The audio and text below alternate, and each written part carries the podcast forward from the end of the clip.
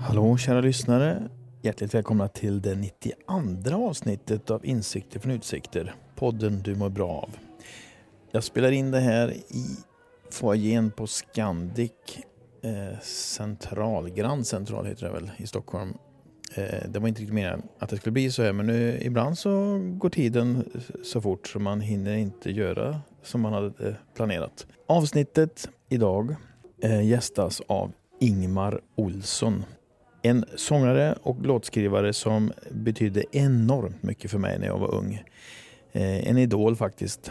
Med sina röda träskor och färgglada kläder och väldigt poppig och positiv musik. Och han bodde inte så sällan hos oss, vilket var en happening i sig, det kan jag säga.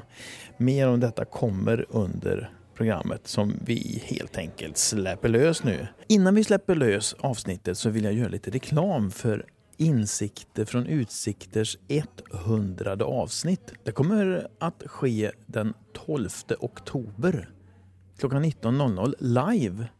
Så att man kan komma och titta. Alltså, vi kör för publik. Men vi kommer också skicka ut det live om man vill sitta vid sin, vid sin eh, favoritpodd och lyssna live.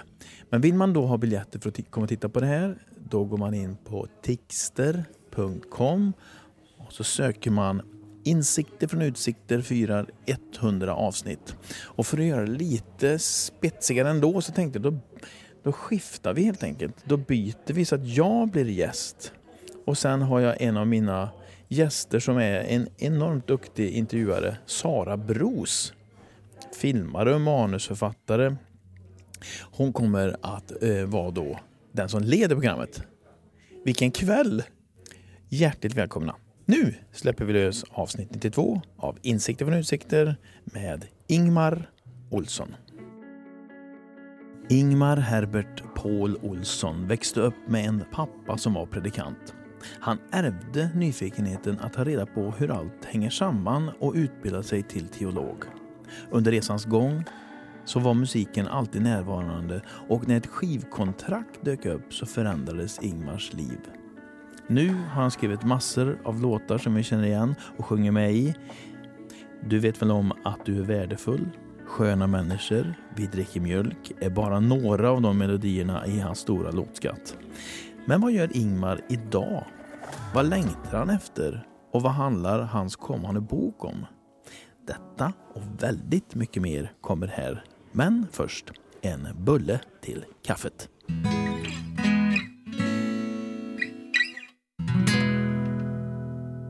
Smaska om en bulle förstås när man håller på och pratar. Men... Ja, men bullar ska man väl ha? En bulle ska man ju ha, ja. Ja, det, du och min farsa. Får man en bulle till kaffet får man vara nöjd. Låten heter Detta är livet. Har du gjort den? Mm. Snart är man gammal och sliten och ryggen böjd. Får man en bulle till kaffet får man vara nöjd. Mm. Snart är man gammal och sliten och ryggen böjd.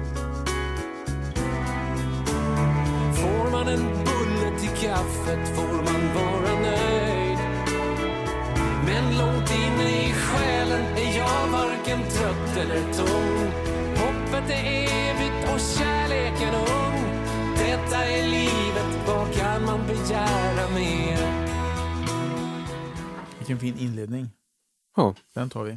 Den tar vi. Kära lyssnare, hjärtligt välkomna till ytterligare ett avsnitt av Insikter från Utsikter. Podden du mår bra av. Idag har jag en utsikt över en innergård i Örebro.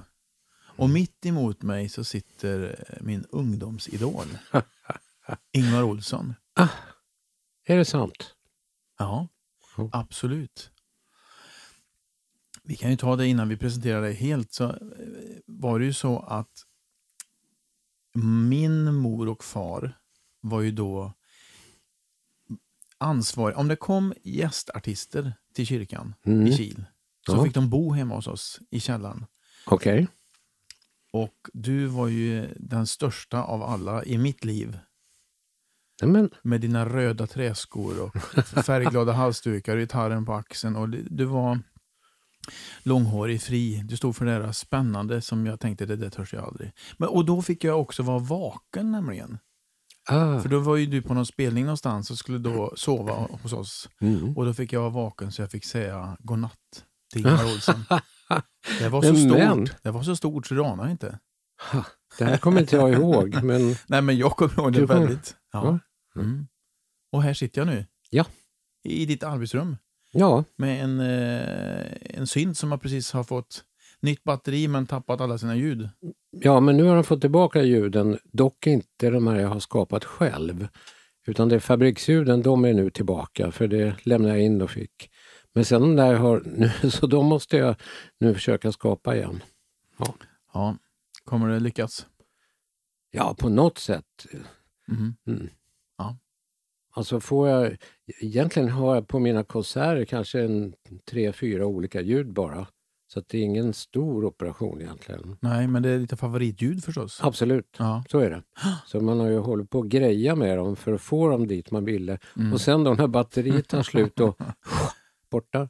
ja. Ja. eh, Du får skaffa en synt som, som tål att batteriet tar slut. Och Ja, ljuden- eller, också, ja, eller också spela mer och mer gitarr. Det gör jag faktiskt. Mm.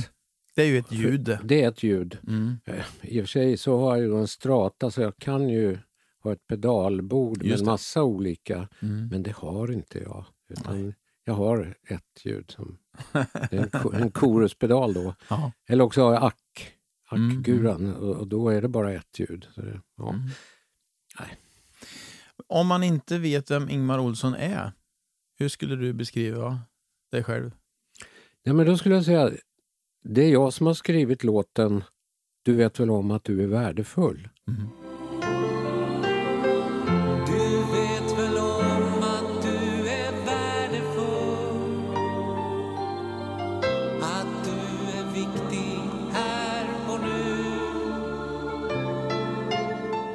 Den har väldigt många människor hört.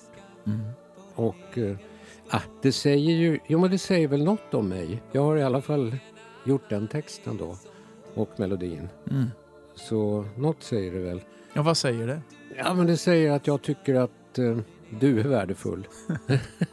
Tack. Alltså, mm, och det har väl livet lärt mig att människor jag möter, alla har någonting som är ganska unikt faktiskt var och en. Men fast då får man jobba. Det är en annan av mina låtar som heter Sköna människor förresten. Mm. Som ju är det, det är som människor är som böcker alltså. Att man, ju mer man läser, ju mer man läser en människa också.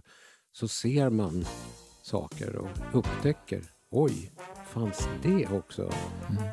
Det finns så många sköna människor som liksom aldrig kommer fram Precis som böcker i bibliotek som bara står och samlar damm Jag skulle vilja säga att båda de här två låtarna säger ganska mycket om dig. Ja, men jag hur, hoppas det. hur du ser på livet och Mm. eh, medmänniskor. Mm. Mm. Jag tänkte vi skulle börja med en liten eh, faktaruta. Okej.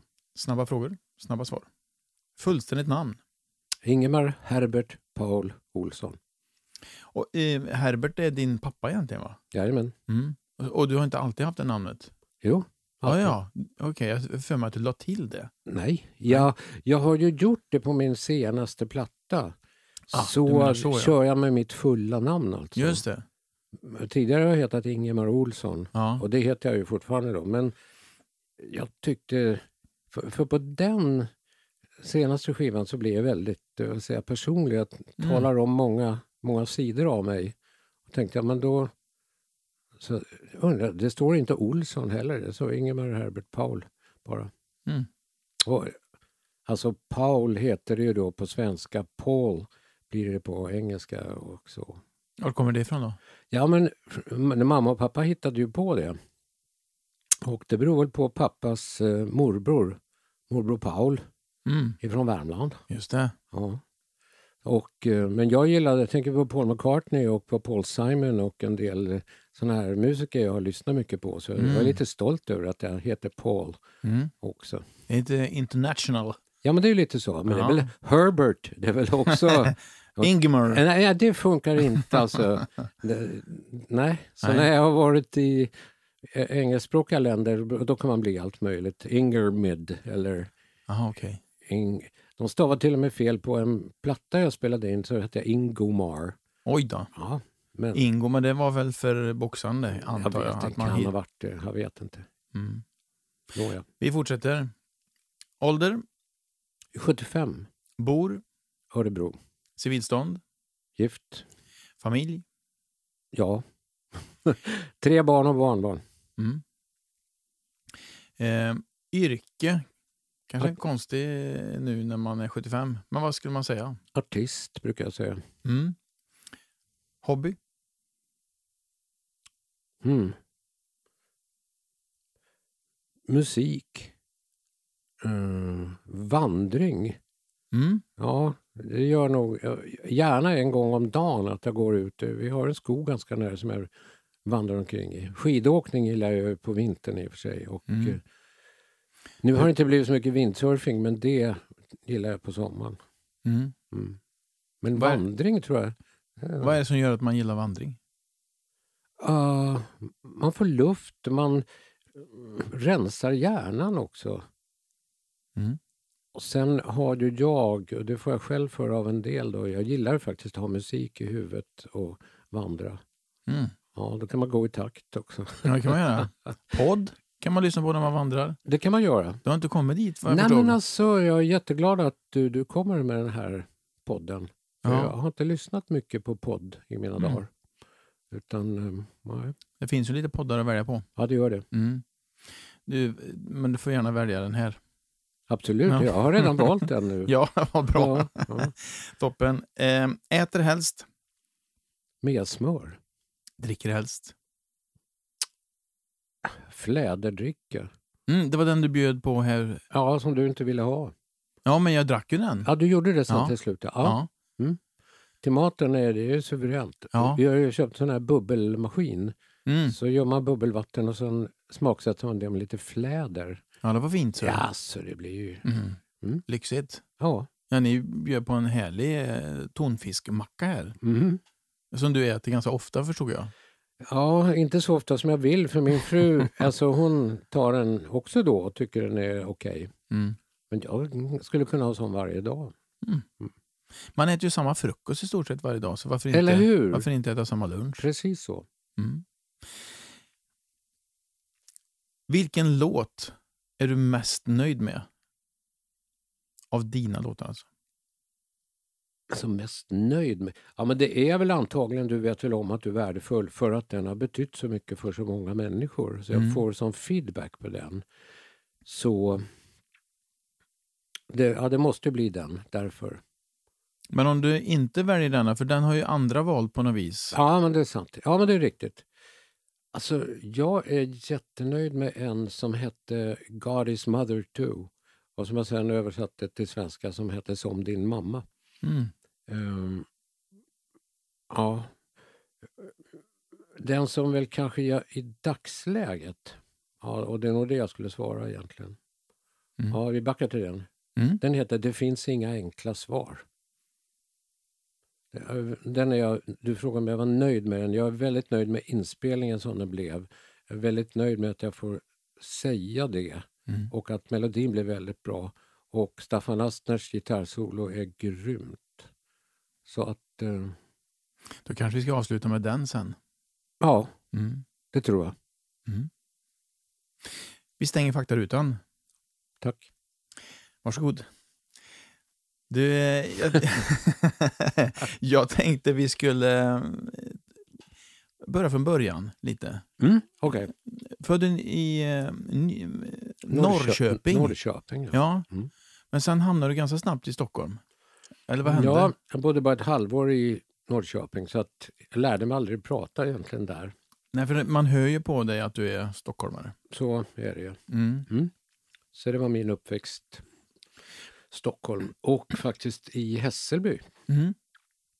Du, du växer upp i Hässelby. Mm. Eh, men du kommer ju bli en multimusiker sådär, med gör egna låtar och Mm. både gitarr och piano. Och Mm. Vad, fanns det med från början eller vad, Hur kom det in i... Jo, i men ditt det kom rätt tidigt. Alltså, när jag fick en gitarr, och då var jag 12 år, Mm. så kom det ju en bekant i familjen då som kunde spela gitarr hem till oss och han lärde mig att ta ett ackord. Kommer du ihåg vad det var? G-dur. G-dur. Mm. Det är ju inte det enklaste. Nej, men det var det han lärde mig. Ja. Mm. Mm. Och så sa han så, kan du, så drar du då med högerhanden över strängarna när du har fått till vänsterhanden i G-dur. Sen kan du sjunga en melodi till. Ehm, ja, och så gjorde han det och visade. Ja, ja, så kan man göra. Jag tyckte det lät ju så underbart. Jag kan ännu höra hur jag håller örat nära strängarna och drar över dem. Det där G-dur-ackordet. Det var en nylonsträngad Levin Mm. En klassisk eh, Ja. gitarr ju. Ja, men sen, alltså, då eh, lärde jag mig på något sätt, då, då kunde jag hitta på olika melodier. Och Till bara jag- ackordet till, G-dur. Ja, till ackordet G-dur. Och när det började låta konstigt då förstod jag att här måste jag byta ackord. Just det. Ja, då hade jag en bok med olika ackord. Så lärde jag mig fler och då kunde jag hitta på andra melodier som, Mm. så, och sen låtar som redan fanns. Kunde jag då spela. Ja, ja, så du gjorde inte egna låtar direkt? Ja, men ganska snart Ja. gjorde jag det. Så att jag var nog 12 år när jag medverkade i det som hette Barnens brevlåda. Det fanns ett radioprogram som leddes av en sån här radiolegend som hette Sven Jerring. Mm. Ja, och eh, då sjöng jag en låt där och spelade gitarr och den hette Plugget. Och så frågade Sven Jerring det, har du gjort den här sången själv? Ja, sa jag. Fast egentligen så hade ju jag ju snott från ett hel, en hel massa olika låtar, olika bitar och sen hittat på en text där jag ibland bara vrängde till originaltexten. Men så jag hade ju faktiskt komponerat om man säger så. Hur många låtar var det som du pysslat ihop då? Ja, sex, sju stycken. Ja. Ja. Men det var inte så långt ifrån hur man gör låtar. Nej men det är idag. så man gör låtar. Ja, inspireras av andra. Ja. Det, det man tar in är det som kommer ut. Mm. Så är det. Och vad lyssnade du på för musik själv när du var 12? Mm. Jag lyssnade vare sig jag ville eller ej på mamma som ju satt vid pianot och spelade piano och sjöng. Mm. Så det fick jag ju höra. Men sen... Ganska snart så kom ju låten Tom Dooley med Kingston Trio. Mm. Så den lärde man sig. Hang down your head Tom. Två ackord också. Två ackord, Ja. helt perfekt. D-dur och D-dur och sen A7, A7 och A7, dun, dun, dun, dun, D. Så är det bara... Mm. Så den körde man ju då. Mm. Men sen så kom ju eh, lite andra artister. Som, Elvis kom ju ganska tidigt då. Mm. Egentligen var jag för liten. Jag var 11 år någon gång när Jailhouse Rock kom, men vi hade den på någon... Ja, det kommer jag ihåg. Hade jag fått gitarren då, tro? Vi hade en sån här skoldans i, när jag gick i sexan. Mm. King Creole vet jag vi körde Ja, då. okej. Ja, men, så var men det stora i mitt liv sen, det var ju när Beatles kom. Då var jag 16. Oh, du fick vara med om det. Mitt i din tonår så kom det där. Mm. Hur har det påverkat dig tror du? Massor. Ja. Jättemycket. Mm. För, du var 12 år, du fick din gitarr. Mm. Men visste du redan då att det det, det, det här som ska Nej. bli mitt liv? Eller vad hade du, vad hade du i kikaren från början? vad skulle du bli? Nej, det visste jag inte. Så det kommer jag ihåg när jag tog studenten. Men då spelade jag då i ett popband naturligtvis. Vi körde Beatles-låtar och egna... Det, Det var, det var? Beatles, ja, The Sounds hette vi. Ja, det. Och eh, det var Beatles och det var Hollies. Och eh, det var väl mest dem och sen började vi skriva eget. Men då, det hör ju väldigt mycket till bilden att min pappa var ju frikyrkopastor Mm, i baptistkyrkan i Hässelby. Och eh, så då, då kommer de här stora frågorna om livet egentligen in också. För, för honom, Jesus var ju väldigt viktig. Och eh, när jag då tog studenten så var också Marx väldigt viktig. Och det var Vietnamkriget och det var många av mina kompisar var ju då aktiva i vänsterrörelsen. Fred och rättvisa, det var ju grejen. Va? Mm. Men ibland för att uppnå fred var man tvungen att ta till våld. Alltså, många av de här stora frågorna fanns i mitt liv. Och som är min bakgrund så tänkte jag, vad ska jag göra nu? Jag, må, jag tog studenten, jag höll på med musik. Men jag tänkte, jag vill ju läsa vidare. Jag skulle kunna läsa filosofi kanske eller ja, sociologi kanske. Eller teologi kanske. Ja, det stod mellan alla de där. Ja, Ja. och det jag då valde det var faktiskt teologin. Antagligen på grund av att pappa hade ju gått en viss utbildning då och läst teologi. Mm. Och då visste jag på något vis att då pratade jag med rektorn på en teologisk skola. Kan man gå här utan att liksom lova att man ska bli präst eller någonting? Jo, men det går alldeles utmärkt, sa han. Så då började jag plugga teologi. För det, ville du, det visste du från början att någon präst eller pastor ville du inte bli? Nej, det var ju... Nej, det ville jag inte. Var- eh, varför det? Nej, men farsan var det.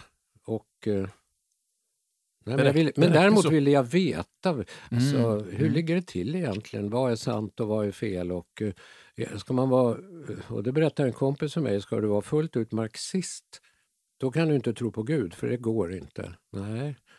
Och det gjorde jag ändå på något vis. Och tänkte, "Ja, men nu måste jag kolla upp det här. Va? Så att, då började jag läsa ja, religionshistoria och religionspsykologi och eh, Mm. de, de här ämnena som jag var intresserad av.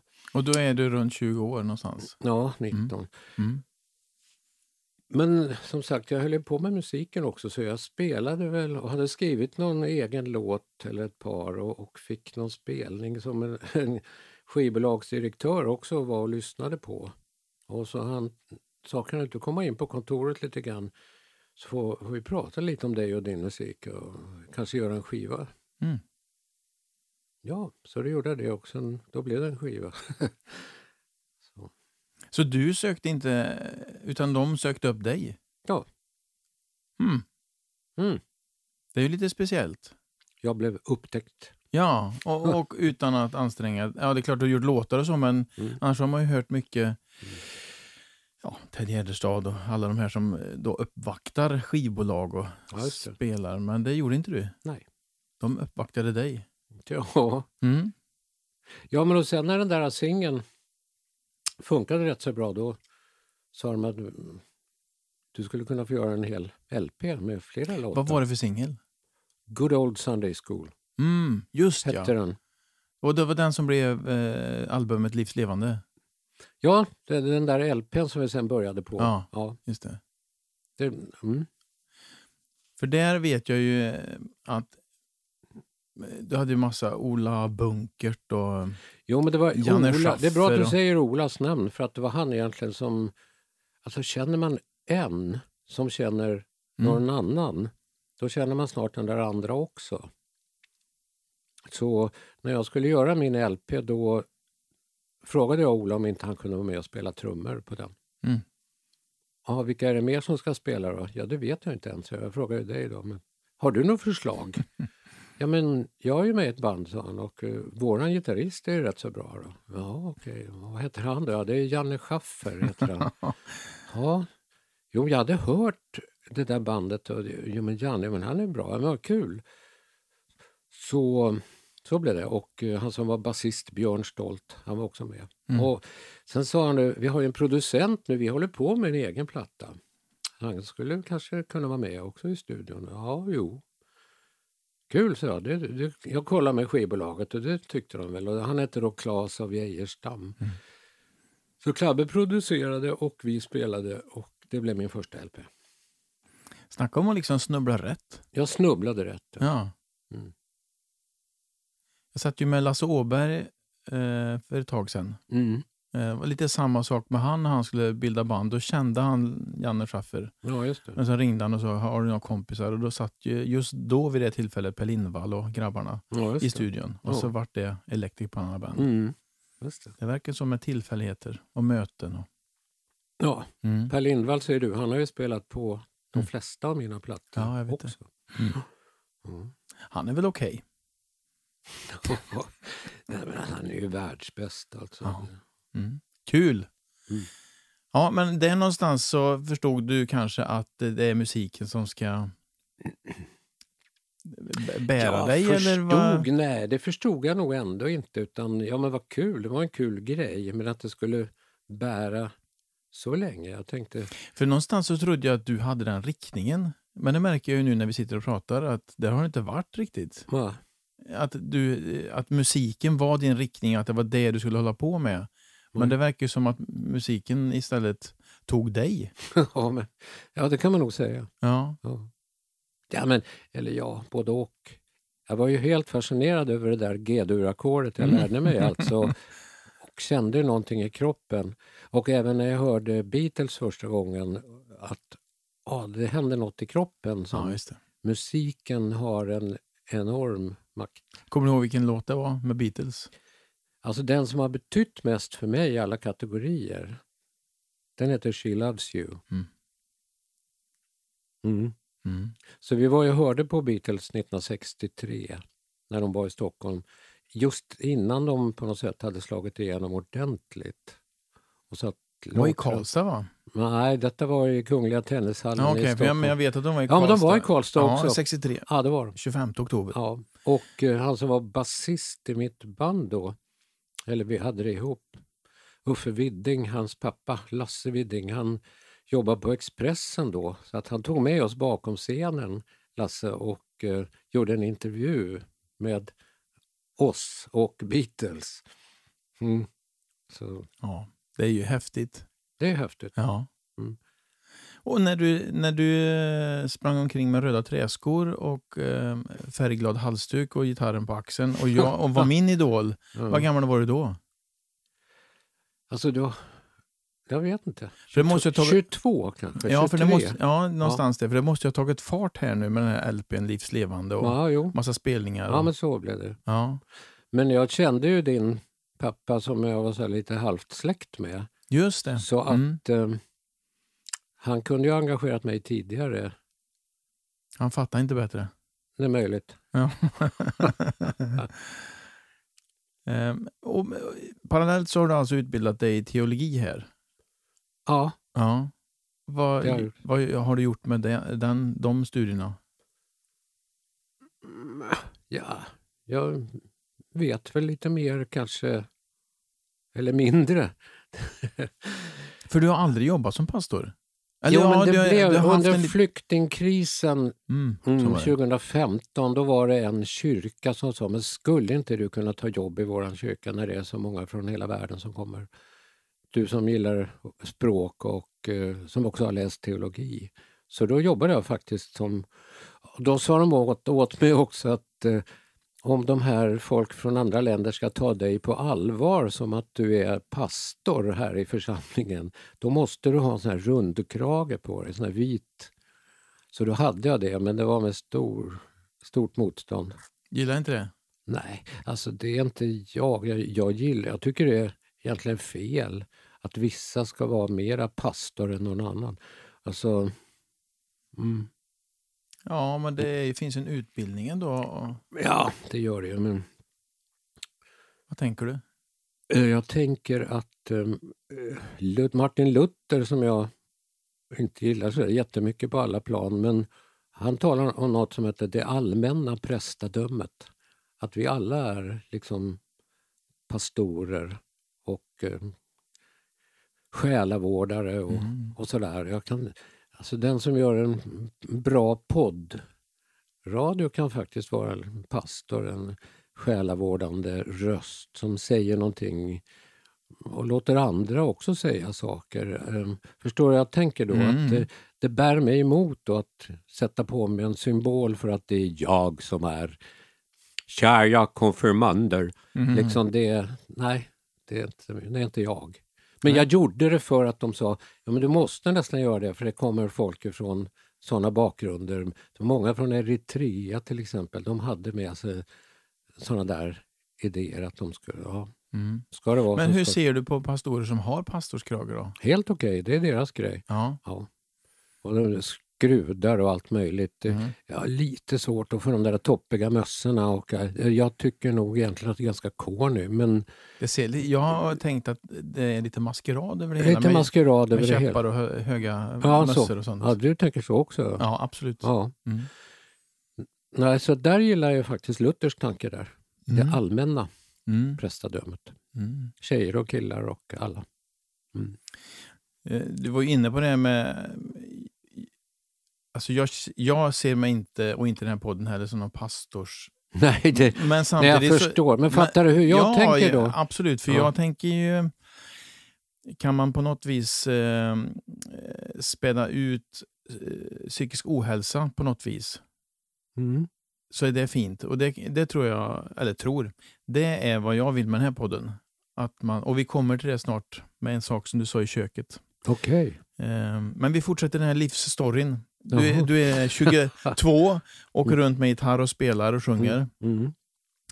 Eh, och sen har det gått ganska bra. Du har gjort enormt mycket låtar, över 200 låtar, Mm. eh, 20 skivor, ett Mm. antal böcker. Mm.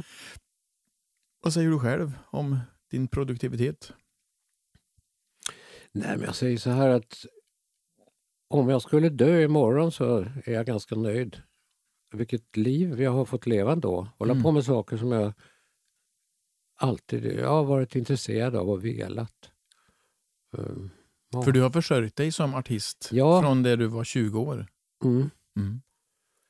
Och, och just det. Och det beror lika mycket på små utgifter som det beror på stora inkomster. Ja, för att Ja. stora inkomster. Men ja, det det är faktiskt sant. Mm. Man får hålla på med det som man älskar, det är ju otroligt. Mm. Och det har aldrig varit på vägen att du har tänkt att eh, du ska göra något annat, utan det har alltid varit...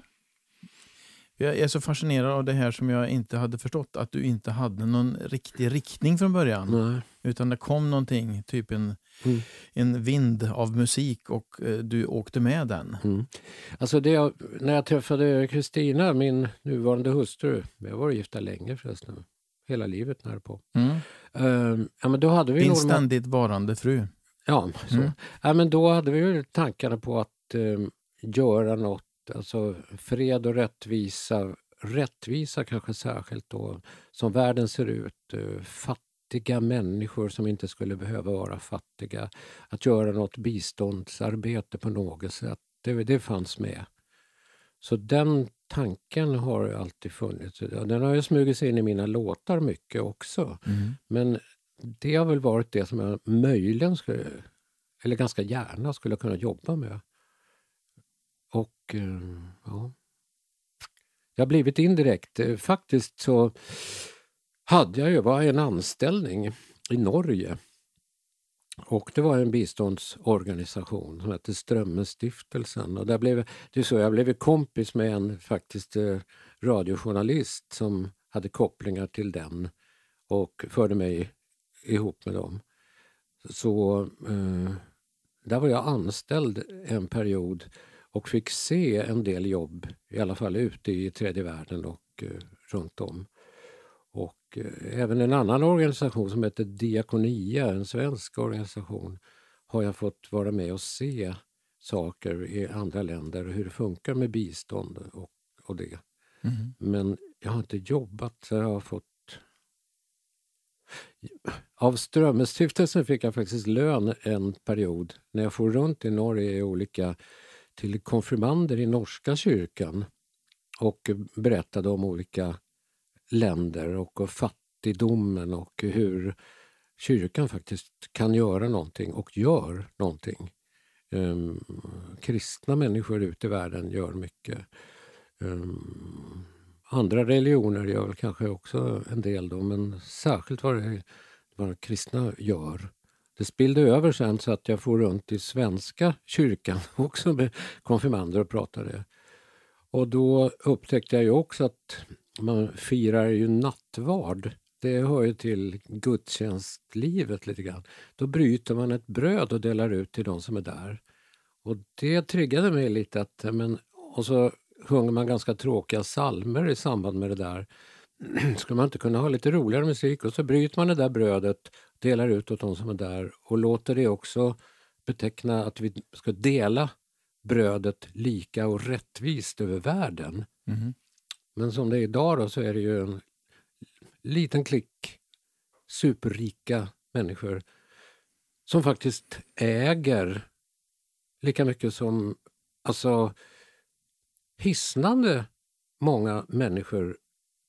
De, de äger lika mycket som, nu kan inte jag siffran, det borde jag kunna egentligen. Ja, men jag jag, Som jag en förstår vad du femte- fiskar efter. Som en femtedel av världens befolkning så äger de där snuskigt rika människorna lika mycket. Mm. En del av dem är väldigt bra. Jag är ju impad utav flera. Va? Bill Gates till exempel som ändå försöker åtminstone göra saker med sina pengar. Mm. um, Med forskning och medicin och uh, jättebra grejer. Så Mm. sådana finns. Det, det behöver inte vara... För, till och med Wallenberg vet jag, Jakob Wallenberg, jättebra projekt med vatten till exempel i Mm. fattiga länder. Sånt där är bra. Men eh, nu vet jag inte hur jag börjar prata om det här. När vi pratar mer om eh, vad du kunde ha tänkt att jobba med annars. Ja, men var det- det bistånd och så Ja, hamnade vi... Det skulle absolut ha varit det då. Mm. Mm. Men det har inte blivit. Indirekt så blir det det ändå om jag då kan stödja biståndsorganisationer och eh, berätta om hur världen ser ut. Mm.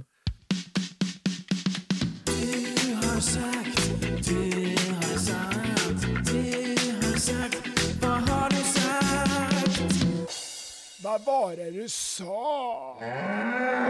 Nu eh, glider vi in i Du har sagt. Jaha, Och du har ju sagt en del, Ingmar. ja men sen. Mm. Snacka går ju. jag snackar går ju. Ja. Men det finns inga enkla svar. Nej, vi får se här då. Ja, Mm. Du har sagt, eh, jag vill inte bli kallad kristen artist. mm. Vad beror det på? Därför då sätter man en etikett på att alltså jag, artist, det tycker jag jag håller på med konstnärlig verksamhet. Mm. Musik nämligen och eh, texter. Så. Men eh, jag är inte alltså kristen. Det är ju en religiös beteckning. Jesus tror jag på. Jesus tror jag på faktiskt. Men, men kristendomen har gjort så mycket, många bra saker. Men det, är också, det talar om att jag är inte någonting annat. Jag är alltså inne i en viss gruppering, en viss religion. Religion har jag jättesvårt för. Jag tycker det, nog, Vad beror det på då? eh, för att jag har träffat folk som har flytt ifrån förtryckande religioner och en del har inte ens kunnat fly ifrån det och eh, en del hamnar, alltså barn hamnar ju vare sig de vill eller ej i föräldrarnas tänk. Så är det ju. Så Mm. om, om föräldrarna är eh, ateister och eh, talar om att ja, så här är livet, ja men då tror ju barnen det. Och om barnen är muslim, eller föräldrarna är muslimer, ja men så här är det säger de, ja då tror barnen det. Jag vill alltså inte ha en etikett som säger att jag är kristen. För Nej, det, men jag tänkte på det, du sa att om föräldrarna är muslimer så blir barnen muslimer. Ja, så är det. Men din pappa var ju baptistpastor. Ja, jag blev då Ja, vad blev du? Jag blev en sån som ville ta reda på hur är det med det här egentligen. Mm. För när man växer upp så får man ju också intryck från annat håll. Men från början betyder ju föräldrarna och deras uppfattningar allt. Mm. Ja, det är klart man att blir- det färgar. Ja. Men, ja, och sen kommer man i skolan och då får man kompisar och så får man lärare och så vidare. Och som jag sa så var ju många av mina kompisar i studentåldern då, de var ju mar- marxister. Mm. Och eh, alltså det är också en etikett då. De var ju naturligtvis mer än så men ja, då var det en världsbild som de hade. Och då ville jag ta reda på hur ser den ut då? Hur ser också min pappas världsbild, den kristna som jag hade med mig, hur ser, ser, det, ser den ut? Och då har jag börjat plugga teologi. Mm. Ja. Och upptäckte... Men du är en, en nyfiken människa. Jag är en nyfiken människa. Ja. Mm. Har du kommit fram till något? Ja, hur lite jag vet. Mm. Och att det inte finns några enkla Det frågor. finns inga, eh, jo, eh, frågorna kanske kan vara enkla. Det finns inga Inga enkla, svar. svar. Nej. Mm. Just det. Det finns, du hade ju några där i början när vi, du hade fakta, ålder. Ja, det Ja. finns ett enkelt svar, så, så Mm. gammal är jag. Ja, den är lite mer... Var bor du? Empirisk. Ja, så, vad heter du? Ja, precis så. Mm. Vi tar nästa eh, citat. Det var något som du sa i... Det här är ganska färskt vad du har sagt. Det sa det vid eh, bordet där ute. Mhm. Eh, vi kämpar ju med den här sjukdomen Parkinson. Ja, Mm. Min fru har Parkinson och jag får också Parkinson därför, eller vad ska jag säga, får leva med sjukdomen. Mm. Den drabbar henne men den drabbar ju mig också indirekt. Ja. Mm. Hur mår du i det där? Ja, Men jag tycker det är skittråkigt och jobbigt. Mm. Jag tänkte på det när vi satt där eh, och du behöver hjälpa din fru med mat. Mm. Och då tänkte jag, hur skulle jag upplevt det där? Och så kände jag, det vet jag inte riktigt. Nej. Hur upplever du det? Ja, men alltså samtidigt... Gilla läget finns det. Jag gillar inte läget, men det här är läget och då bearbetar man det. Och så Mm. gör man väl det man kan för... Händer det att du deppar ihop? Nej, jag deppar inte ihop. Men jag deppar skulle jag nog... Ja. Både hon och jag är ju faktiskt så här. Jag, beundrar ju henne som också... Ja, men så här är det. Mm. Och då Hon gör vi så här. Ja. Och hon tar nog det även åt mig om jag ska säga att eh, du kan ju göra det här och jag kan göra det här. Jag kan inte göra det här. Men det, så, så För det var ju också något väldigt fint i det tyckte jag när jag satt med er vid lunchbordet. Ja, men vad gör man då? Ja, fint. Ja, Ja, något kärleksfullt tyckte jag. ja men det är klart det är. Mm. Det är det. För man kan ju tänka att man eh, går in i någon slags depression och tycker att allting är orättvist och varför har vi drabbats av det här? Ja, fast... Det kommer jag ihåg jag sa till en kompis som också var sångare och som fick cancer. Cancer i tungan dessutom, så att sjunga gick ju inte och så. så, så. Men varför skulle just du få det här, säger jag. Ja, men varför inte, sa han. Mm. Alltså, Lite grann som din pappa sa till dig att alla har sitt. alla har sitt. Ja. Vi drabbas av saker. Eller som en annan, en annan kompis jag har som han har ju diabetes och eh, han säger ja, men något ska man ju dö av. Nu kanske han inte kommer dö av... Alltså min pappa fick ju cancer och eh, de sa men vi gör ingenting åt det han, för du kommer nog att dö av något annat innan den här har tagit ut sin rätt. Mhm. Ja, och så blev det ju också. Liksom. Så man kämpar med sina olika saker. Sen vad man dör av, det vet man inte. Men död, det ska vi. Ja, det, det, det vet vi. det är väl det vi vet. Mhm. Samtidigt så, ja då kunde man ju deppa ihop över det liksom. Mm. Faktiskt. Mm. Jag kommer ihåg att jag hade så här lite dödsångest när jag var liten. När jag var typ 10-11 år. Mm. Strax innan gitarren dök Jag upp. strax innan gitarren. Det Mm. kanske var den som... Kanske. Det, ja, det, är möjligt. Mm. Jag kommer ihåg det. För Vad var du rädd för då? då? Nej, men, det var någon som hade dött, alltså det var, om det var min farfar då. Och så sa jag till mamma, kan barn dö? Ja, sa mamma. Oj. Oj, kan jag dö? Ja, men det gör du nog inte, sa. Men nog. Ja, du vet. Ja, det var ju väldigt ärligt. Det var väldigt ärligt. Men, Ja. men det där släppte ju... Hur tänker du på döden nu då? Nej, men det sa jag nyss faktiskt, det här att eh, om jag dör imorgon så har jag haft ett fantastiskt liv Mm. som jag är väldigt tacksam för. Mm. Däremot kan jag tänka på barn och barnbarn. Hur blir det för dem Mm. som världen ser ut? Det var en tanke vi hade när vi gifte oss förresten, att vi ska absolut inte ha några egna barn. Det finns så mycket barn i världen så att vi kan ta hand om några som redan finns. och Som... Ja, Mm. Men så blev det inte. nej, kondomen sprack. var det så? Det var så. Ja. Ja. Tre gånger då? Man kan ju inte återanvända så. Nej. Nej, för tre barn Ja, men då- och ett då gäng gick- med barnbarn har du ja. Då gick proppen ur liksom och eh, Ja, vi det- kände att vi älskar ju vårt barn och eh,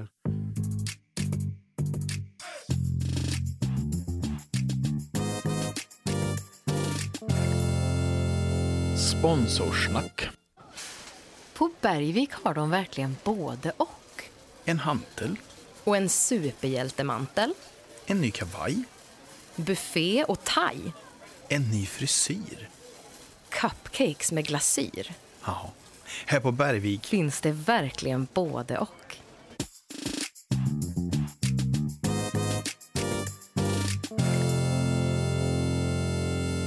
Är du beredd på nästa citat? okej. Ibland när jag har skrivit en låt så vill jag bara säga tack. Mm. Ja, men... En låt man säger att har du gjort den? Frågade Sven Jerring mig när jag var 12 år. Mm. Och jag sa ja. Men jag har ju fått den egentligen. Jag har tagit in något som eh, livet har gett mig. Jag vill tacka livet, eller jag vill tacka Gud för tack att jag fick det här. Och så kan det kännas. Mm. Att man har fått höra så mycket positiva saker då, toner nämligen som verkar i, påverkar och verkar i mig. Att åh, nej men tack, det bara, det kom på något vis. Mm. Det är ju inte alla kompositörer som säger så. Jaså? Nej, jag tror en del säger att ja, det är jag som har gjort den här låten. Jo, men det sa ju jag också. Så för på ett sätt stämmer det ju. Va? Ja. Man jobbar ju med dem också. Mm. Eh, Egentligen kanske är den där magiska, eh, överdom, ja, gudomliga delen av låten som man får. Och sen kan man bearbeta den. Eh, ja, det här har jag inte tänkt förut, men så, så är det ju. Mhm. Att, så jag har ju också varit med, medskapat på något sätt. I filmen och musikalen Så som i himlen Ja. så säger den här äh, gästkompositören, är väl, det han, körledaren, Mm. att musiken finns där hela tiden. Ja. Det är bara att plocka ner den. Ja, men det, precis. Tack. Men det är ju inte alla som har den förmågan. Eller? Nej, men ja, nej, det, det kan det, så är För då skulle ju alla göra låtar. Ja. Ibland brukar jag påstå, jag har, är med på så här skrivarkurser, att alla gör ju låtar bara man går och trallar på någonting fast man tänker inte på det. Och Mm. kanske knäpper med fingrarna i en viss rytm och så vidare så är det en liten, väldigt kort men ändå. Ett embryo ändå. Ja. Mm, Mm. så Vi tar nästa. vi gör det. Så länge Paul McCartney håller på så fortsätter jag. Ja, okej. Ja. Ja, Mick Jagger brukar jag säga ibland, men mm. okej. Mm. Men om de ger sig, ger du dig då? Nej. nej. Det är inte säkert. Det Nej. vet man inte. Skriver du låtar fortfarande? Mm, Ja, Kommer det någon mer? Något mer album? det vet jag däremot inte. Nej. Nej. För att det ska hända så måste jag känna att jag har ett antal. Och att det är någon sorts... Något som jag inte redan har sagt. eh, Mm. nya melodier. Men just nu håller jag på och skriver en bok istället. Va? Så att man har ju inte obegränsat med tid. Och sen tar ju den här Parkinson rätt mycket tid och kraft i, Mm, i hemmet. Då, så att, eh, För jag tänker på dina texter är ju... Det är inte bara eh, om kärlek, det, det är om bilbälte, eh, mjölk. ja. Vart hämtar du inspirationen? Nej, men det är sånt som händer och som finns omkring mig. Och, eh, ja. Ibland får jag uppdrag också. Så det där om mjölk, det var ju faktiskt, jag hade en spelning på Arla. Mm. en lunchkonsert för och tänkte så kul att ha någon låt för jag gillar ju mjölk och, eh, Mm. och så. Så då gjorde jag en, en låt. Mm. Och den blev ju bra då, så då kom den med på en platta. Ja, oerhört bra. Vi dricker mjölk. Mm. Mina damer och herrar, det har äntligen blivit dags, inte bara för mitt och Maltes favoritmoment här i programmet i podcasten, utan jag gissar för er allas. Det har blivit dags för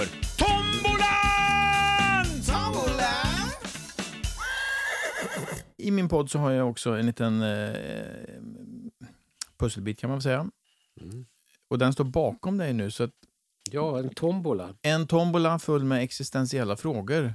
Så jag tänkte om du vevar på den där och så tar du en tre, fyra stycken. Eftersom man står så dumt till så, Tre, fyra stycken. ja. Jag vevar.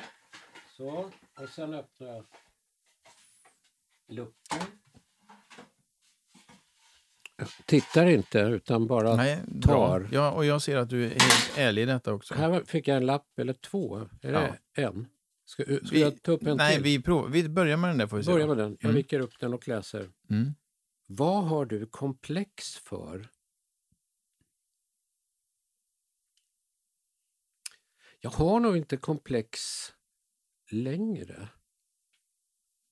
Faktiskt. Jag, jag tittar mig i spegeln och då kan jag skratta och känna att ja, ja, så, så är det. Men annars vet jag att jag har ju haft väldigt komplex för min profil. Jag tyckte att min näsa har varit för stor och den har pekat ut alldeles för mycket och en liten topp här. Så det hade jag då lite komplex för. Mm. Men När man är Jag tror att 75 det- så kanske man tycker att det. nu får det vara som det är. ja, ja, jag tror det. Så lägger man ett litet fniss på det istället. Faktiskt. Mm. Det låter skönt tycker jag. Ja. ja mm, tänk på det. Men annars, jag inser att jag är begränsad däremot att jag kan inte det här som någon annan kan. Vad tänker du på? Nej, jag tänker på musik till exempel. Jag skulle kunna ha komplex för att inte jag spelar lika bra gitarr som just Staffan Aster som jag pratade om som är med på nya plattan. Mm. Jag sk- skulle... Men det har jag inte komplex för utan då samarbetar jag med honom istället. Och, ja, så, så. Ja, och så är det ju alltid med musiker kan jag tycka. Även om man jobbar upp sig till en viss nivå så finns det ju alltid en som är bättre. Ja. Hela tiden. Ja, så är det. Ja, men så det, var, det var en skön inställning. vet inte jag. om jag har någon riktigt bra svar. Nej, ja, det var ett jättebra svar. Nu ligger det några där på... Ja, de ramlar ut. där. ja, du, så jag ta- ska stänga till. Jag puttar in den där. Och tar. Så. Och den här var maskinskriven. Vad skulle du vilja spendera mera tid på? Vad skulle du vilja spendera mera tid på?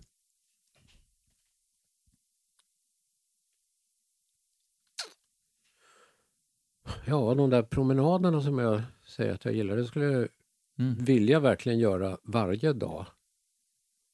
Det skulle jag vilja. Eh, För att tänka mer och fritt.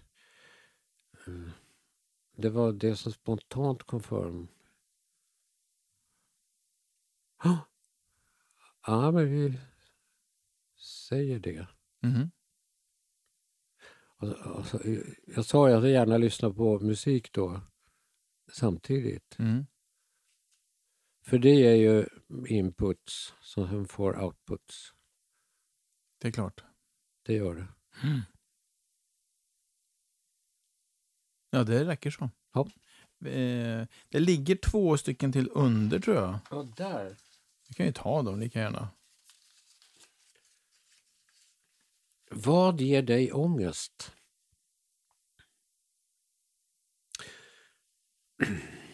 Jag har faktiskt skrivit en låt som heter Ont i själen Mm. på senaste plattan. Mm. Men där är det så att jag uttrycker sånt i andra hand. Jag lever nära en del människor som har ångest. Och jag förstår att jag har inte ångest. Så att... Nej, jag har inte ångest. Jag tycker det är ett väldigt starkt ord. Och jag, Mm. När jag vet hur de känner Ja. så förstår jag att jag har snuddat vid det. Jag har varit grymt ledsen. Uh, ledsen, arg och besviken har en annan låt som heter. Alla de tre sakerna har jag varit. Mm. och har, ska jag säga, att jag är både ledsen, arg och besviken på väldigt mycket och hur världen ser ut och så. Men jag kan inte påstå att jag har ångest. Skönt. Du, du säger att du lever nära dem eller går parallellt, eller hur du Ja, uttryckte ja, ja. dig. Ja, Va, va, ja. vad är din roll i det? Ja, men det är att lyssna och eh, försöka förstå hur illa det kan vara. Det här med att ligga vaken hela nätterna och inte kunna sova. Och jag uttrycker det i låten och Mm. många har faktiskt hört av sig och tackat för att du säger det där som jag känner. Och eh, Så då blir ju det en liten påminnelse att de är inte ensamma, för jag vet att det är fler som har det så. Men att också få uttrycka det, och deras vägnar får jag väl nästan säga då. Mm. Men, men den landar ju också i att vi behöver varann där. Tack att du ville lyssna, tack att du tar min hand. Mm.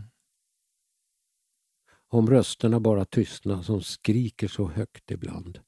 Det är det jag, för den som har ont i själen. Men, eh, så jag, jag lever nära, min roll är väl egentligen bara då att finnas där. Kanske ibland inte ens med ord. Jag tror ord... Nej.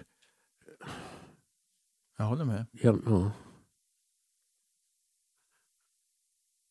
Ja, jag hör vad du säger, jag förstår, jag försöker förstå vad du känner men det kan jag inte fullt ut. Men eh, det skulle jag kanske vilja lägga mera tid på i och för Mm. sig. Att, Har du lyssnat någonting på Björn Eidsvåg? ja, Han har ju någon låt som eh, heter Ägg ser, alltså jag ser. mm, Det handlar väldigt mycket om det att gå bredvid bara. Jag, jag ser att, att du gråter, men jag kan inte gråta gråten åt dig. nej, Men jag kan gråta med dig. ja precis. Orkar du med en till? Absolut. Har du en fråga till Malte? Vad tänker du göra sen? Har du ytterligare idéer? Jag vet ju att du gör scenprogram också. Mm. Och så Vad som händer i framtiden? Ja, Ja, jag har... Eh, det blir Så som i himlen som vi pratade om. Mm. Den musikalen ska sättas upp i, på Säffleoperan ja, i höst. ja. Och sen spelar över till nästa år också. Det är en ganska lång produktion. Där ska jag vara med Du ska vara med? på scen. Ja. Och sen, jag och Sinat Pirzadeh håller på och skriver på en föreställning som heter Hur blev det så här? Om, det handlar ju mycket om kulturkrockar. Eh, och det ska vi göra typ näst, ja, precis om ett år. Ska det upp på scen. Ja, vad kul. Mm, så så ser det mm, nästa år ut. Och så då förstås, det är ju det jag lever på. Eh, företagsunderhållning, eh, konferenserskap i olika såna här temadagar. Och. Det är bland det roligaste jag vet faktiskt, att vara konferenser. Jag ska göra nu, det handlar om barnens rättigheter. Eh, I maj så är det två dagar i Karlstad. Mm. Med massa spännande föreläsningar. Och då är jag spindeln i näten som påar eh, och avslutar och kanske ställer några frågor och gör en snygg överlämning till nästa grej. Och paneldebatter och sånt. Det där trivs jag oerhört bra med. Kul. Mm. Så det är blandat med lite annat. Du hör ju själv, det är lite hopp och lek. Ja, men alltså, ja. Ja. Jag var ju konferencier också på några galor. Såna här. Mm. Visst är det kul? Ja, det är det. Och sen har jag gjort, varit helt värdelös programledare i ett... Jag skäms fortfarande för det där. Oj då. Ett tv-program, ja. Där...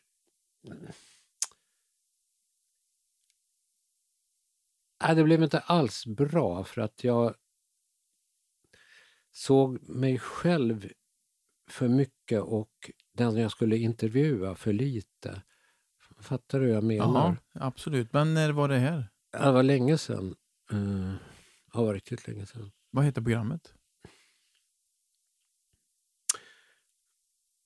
Frågan är om inte det hette Himmelrik efter en av mina låtar. Ah.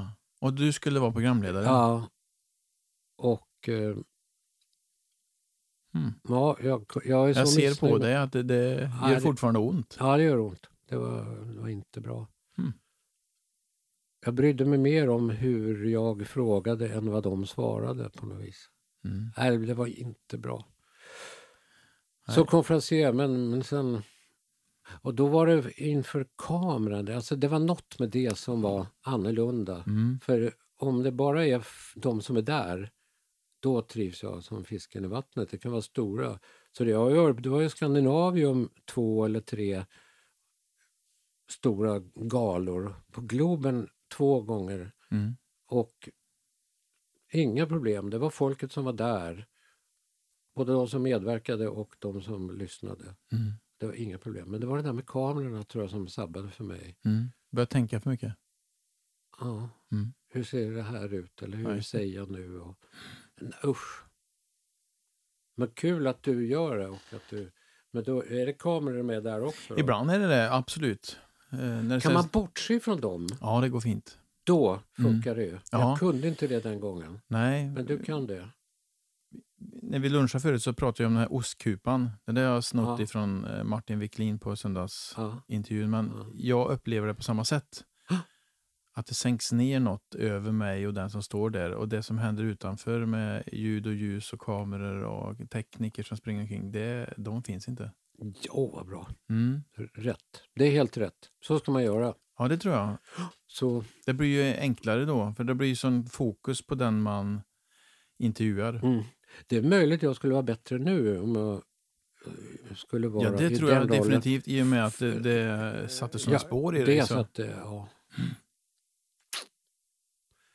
Ja, Mm. man lär så länge man lever. kanske gör någonting ihop så småningom. Ja, jag vet. Så får vi stå där i en, en ostkupa. I en ostkupa, ja. ja men alltså. Ja. Ja, spännande. Mm. Du, ja. Tack. Tack. Vi stänger tombolan. Ja.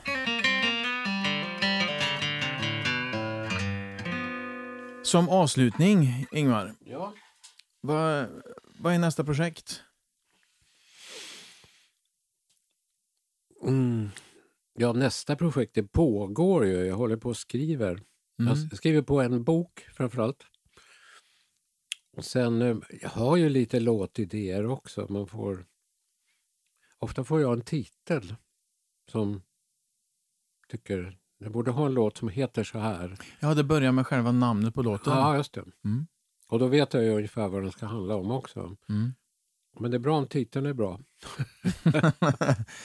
Men det, det börjar inte med någon melodislinga. Alltså jag har så många melodislingor som ligger som jag lyssnar på ibland och känner att den där ska jag jobba vidare med. Mm. Så det finns också.